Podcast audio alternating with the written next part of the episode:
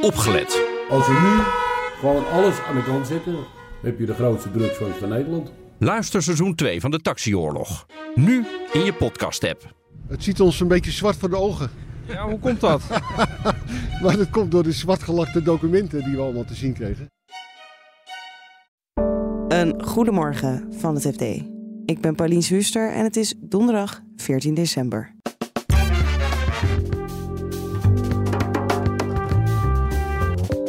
Amerikaanse, Europese en Chinese bedrijven willen het succes van ChatGPT evenaren. Bijvoorbeeld het Franse Bloom, is een groot wetenschappelijk netwerk achter. Daar kon je al een jaar geleden van die grappige vragen aanstellen.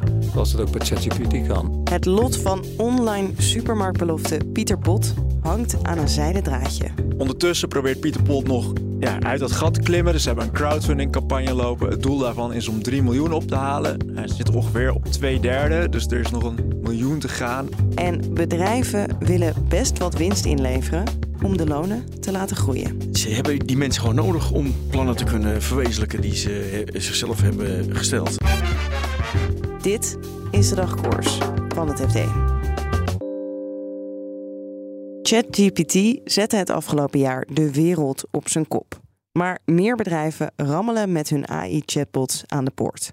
Tech-redacteur Jan-Fred van Wijnen zet de concurrentie op een rijtje, te beginnen in Amerika. De grootste is eh, Google. Die, is, die, had, die had al, ik denk eh, nu zeven maanden geleden, al een valse start met Bard. Die was al een hele tijd in de maak. Google was natuurlijk totaal verrast dat OpenAI ineens met een, eh, een chatbot kwam die echt heel slim kon praten en, en doen alsof hij goede antwoorden gaf.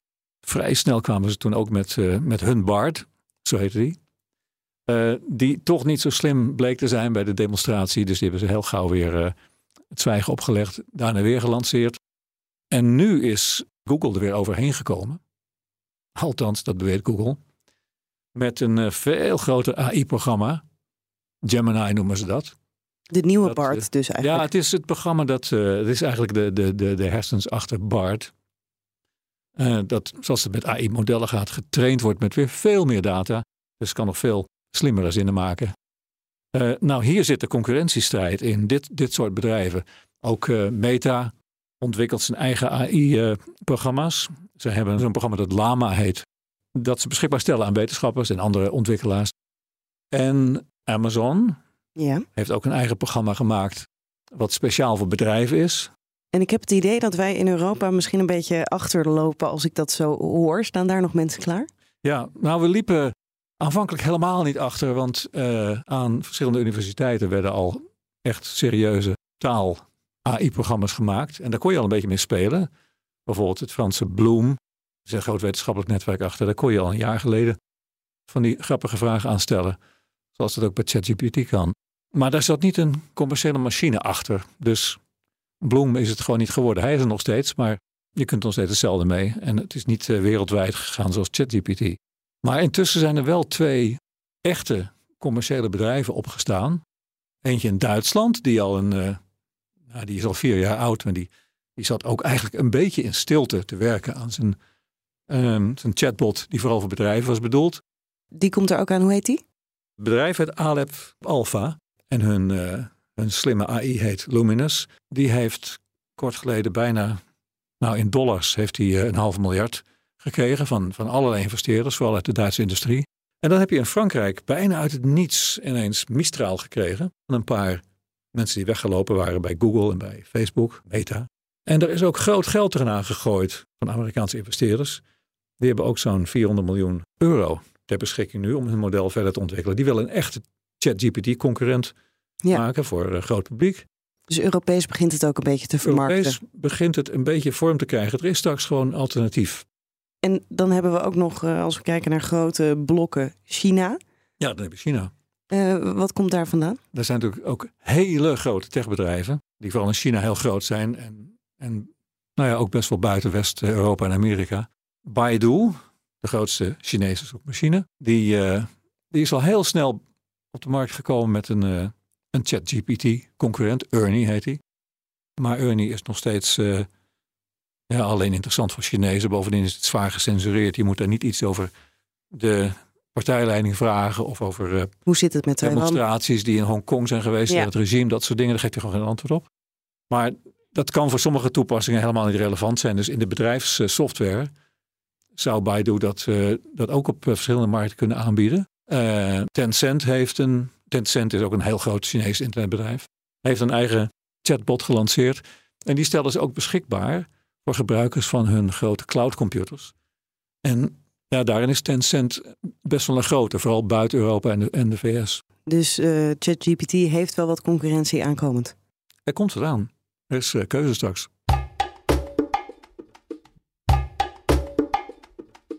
Online supermarkt Pieter Pot wordt mogelijk vandaag door de rechter failliet verklaard.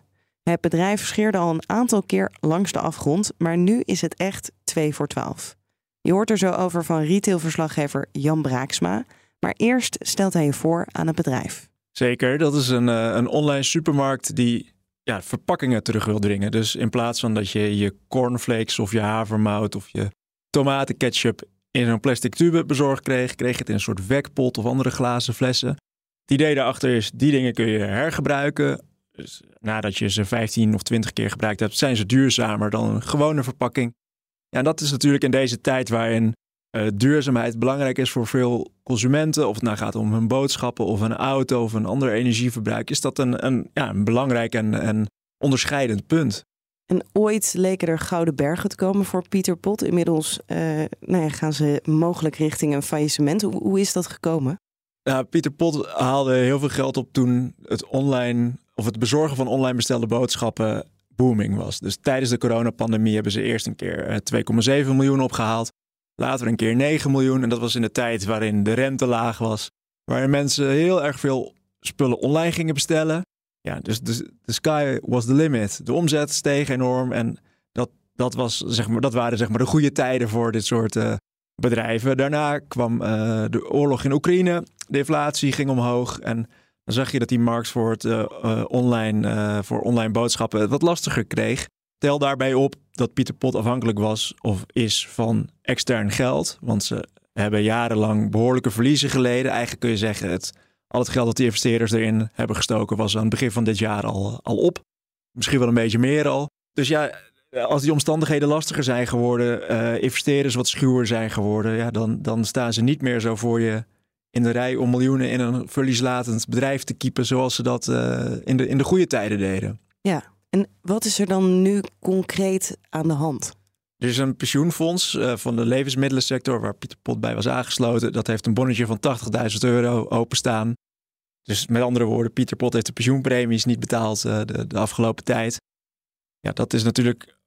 Of je moet een akkoord sluiten of betalingsregeling treffen, of je kan het faillissement aanvragen. Dat laatste heeft dat pensioenfonds nu gedaan. Ondertussen probeert Pieter Pot nog ja, uit dat gat te klimmen. Dus ze hebben een crowdfunding campagne lopen. Het doel daarvan is om 3 miljoen op te halen. Hij zit ongeveer op twee derde. Dus er is nog een miljoen te gaan. Dat is blijkbaar onvoldoende om dit soort leveranciers uh, of uh, dit soort schuldeisers zoals pensioenfonds uh, van te betalen. Dus daar zijn ze nog steeds mee in onderhandeling van oké, wat als we nou die schuldeisers ja, een, een, andere regeling aanbieden? Misschien komt er dan wat uit.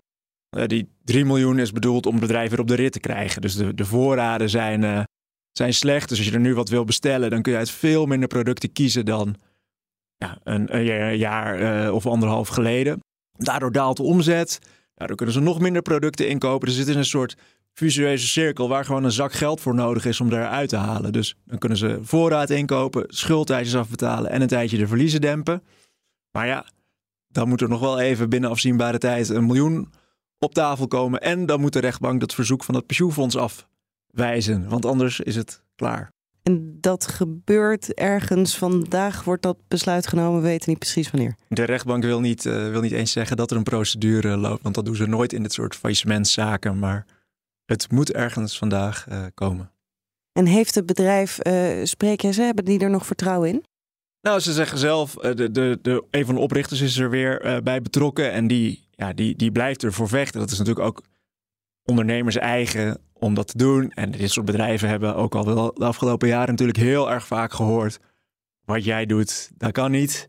Nou ja, dus daar zitten we denk ik een beetje in het, in het DNA van dit soort bedrijven dat ze tegen de stroom in, uh, in willen roeien. Ze blijven ook dus onderhandelen. Ze blijven allemaal manieren zoeken. Als plan A niet lukt, dan maar plan B of plan C. Maar ja, het, het is een heel erg, uh, erg lastige situatie geworden. Dat is wel duidelijk. En dan gaan we het hebben over hogere lonen. ING heeft een onderzoek laten doen onder ruim 200 CEO's, CFO's, CTO's en COO's. En die topmanagers zeggen: loongroei mag best de winst raken. Redacteur Marcel de Boer legt uit waarom. Nou ja, ze zijn vooral bang voor schaarste. Uh, gebrek aan uh, nou, goed uh, gekwalificeerd personeel. Ja, en, en ze hebben die mensen gewoon nodig om te kunnen groeien. Om de plannen te kunnen verwezenlijken die ze zichzelf hebben gesteld. En als er dan een beetje winst vanaf moet, dan moet dat maar. Dan moet het maar, ja. Ja. Gisteren konden mensen in onze krant lezen dat er reorganisaties nu zijn. Want bedrijven hebben het lastig. Er moeten mensen uit. Hoe, hoe moet ik dat dan rijmen met dat aan de andere kant topmanagers allemaal zeggen we kunnen wel hogere lonen betalen. Ja, nou ja, goed, die, die schaarste is, uh, is duidelijk. Kijk, het, dit ging vooral om individuele bedrijven die uh, waarschijnlijk al wat langer met problemen worstelen.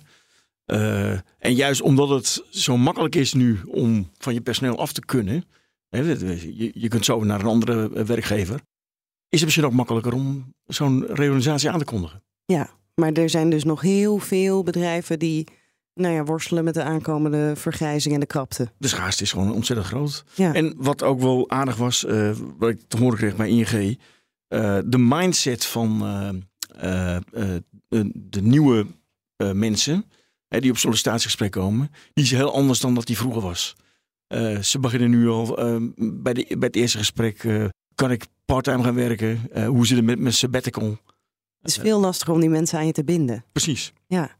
En dit onderzoek dat ging uh, over van alles, de prioriteiten die topmanagers uh, hebben. Wat kwam er verder voor opvallend uit? Nou, de zorgen die ze vorig jaar hadden, die hebben ze eigenlijk nog steeds wel. Hè? Dan heb je het over inflatie. Rente. Uh, de rente, dus, dus wat gebeurt er met de financieringskosten van, van mijn projecten. Maar ja, wat ik te horen kreeg was vooral dat, dat ze ermee kunnen dealen nu. Hè, vorig jaar was het allemaal nieuw en, en plotseling zit je met een inflatie van 10%. Uh, hoge grondstofprijzen, energieprijzen. Hoe ga je ermee om?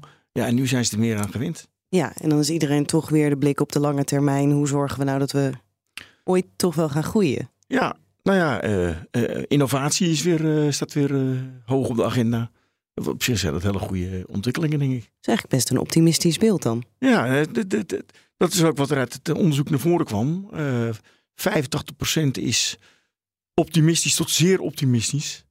Uh, ondanks dat feit dat ze ook allemaal verwachten dat het volgend jaar nog steeds stagnatie zal zijn, economisch gezien. Maar uh, ja, ze hebben, er, uh, ze, hebben er zin in.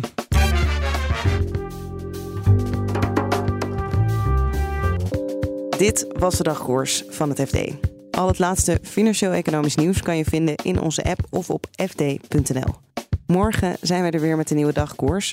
Zoek ons dus op in je podcast-app en abonneer, dan krijg je die automatisch binnen. Voor nu een hele fijne dag en graag tot morgen.